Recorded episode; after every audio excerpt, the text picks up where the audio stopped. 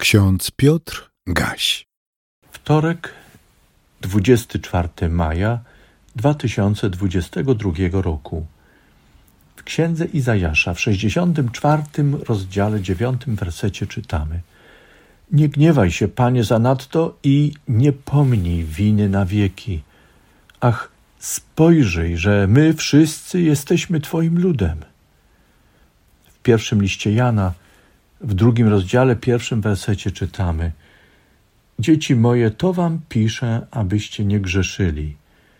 A jeśli by kto zgrzeszył, mamy orędownika u Ojca, Jezusa Chrystusa, który jest sprawiedliwy. Kochani, za nami piąta niedziela po Wielkanocy, która w liturgii jest poświęcona refleksji o modlitwie. Dzisiejsze hasło z księgi Izajasza jest małym wyimkiem z dużej partii tekstu, który zawiera rozmyślanie nad dziejami ludu Bożego. Warto zajrzeć i przeczytać to rozmyślanie. Ono uzmysłowi nam, jak prawdziwe są słowa Ewargiusza z Pontu, mnicha pontyjskiego, teologa i mistyka, jednego z najznamienitszych ojców pustyni żyjącego w IV wieku po narodzeniu Chrystusa.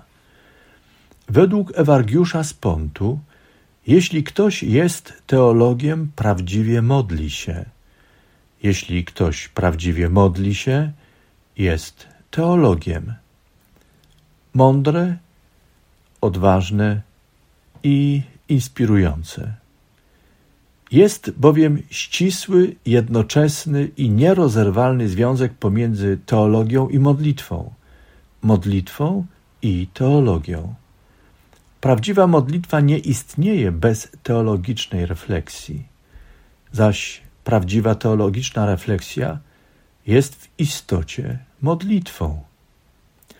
Prorok w 64 rozdziale w refleksji nad dziejami ludu na, y, na, zawołał i modlił się tak do Pana. Obyś rozdarł niebiosa i stąpił, oby przed Tobą zatrzęsły się góry. Czego od wieków nie słyszano, czego ucho nie słyszało i oko nie widziało oprócz Ciebie, Boga działającego dla tego, który go oczekuje.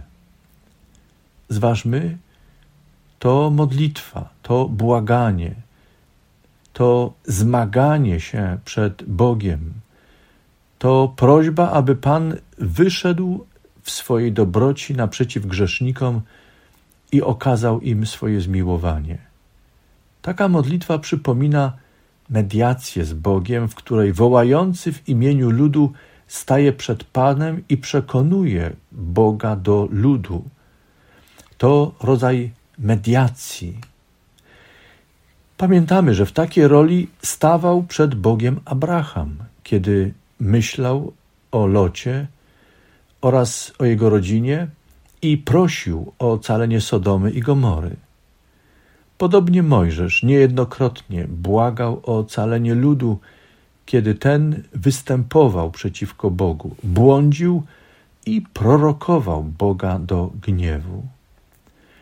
Hasło nowotestamentowe na dzisiaj – przypomina nam o największym, najwspanialszym i ponad wszystko i wszystkich doskonałym orędowniku. Kimś, kto stoi przy nas, nie odstępuje nas i jest naszym rzecznikiem. To znaczy, przemawia w naszej sprawie. Kto to taki? Jest nim Jezus Chrystus. Tym miejscu powtórzę, warto spojrzeć do natchnionych tekstów, tekstów modlitw w sprawie ludu wypowiedzianych przez przywołanych już Abrahama i Mojżesza. Koniecznie trzeba zajrzeć do teologicznych refleksji o dziejach ludu Bożego z księgi Izajasza i gorliwej modlitwy o ocalenie ludu Pana. Przekonamy się, że w każdym przypadku wołanie w sprawie ludu było uczciwe wobec Boga. Grzech był nazwany po imieniu. w tej służbie orędownik, rzecznik nie, nie ukrywa niczego, nie manipuluje, nie relatywizuje, nazywa grzech po imieniu, a jednocześnie rzecznik, orędownik prosi Boga o zmiłowanie, o wybaczenie, o pojednanie. Wyższość służby Jezusa Chrystusa nad służbą Abrahama, nad służbą Mojżesza i wielu innych, którzy wstawiali się w swojej modlitwie, prosząc o lud Pana, wyższość Chrystusa polega na tym, że Chrystusowe orędowanie w sprawie ludu zostało potwierdzone przez Chrystusa Jego życiem który złożył samego siebie jako ofiarę przebłagania i zadośćuczynienia za każdą i każdego.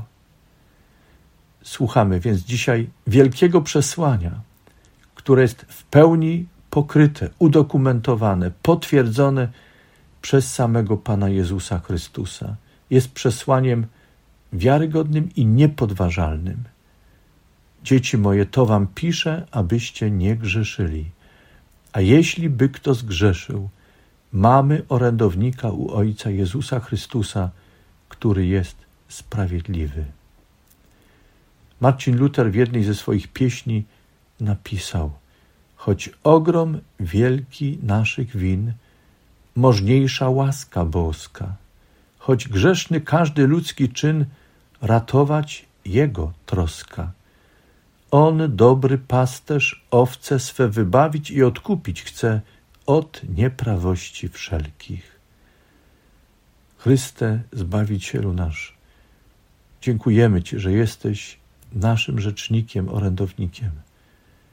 Napominasz nas, w grzechu naszym i chcesz, abyśmy do Ciebie się nawrócili, poszli za Tobą, byś nas mógł jako, jako dobry pasterz zaprowadzić do Twojego i naszego Ojca.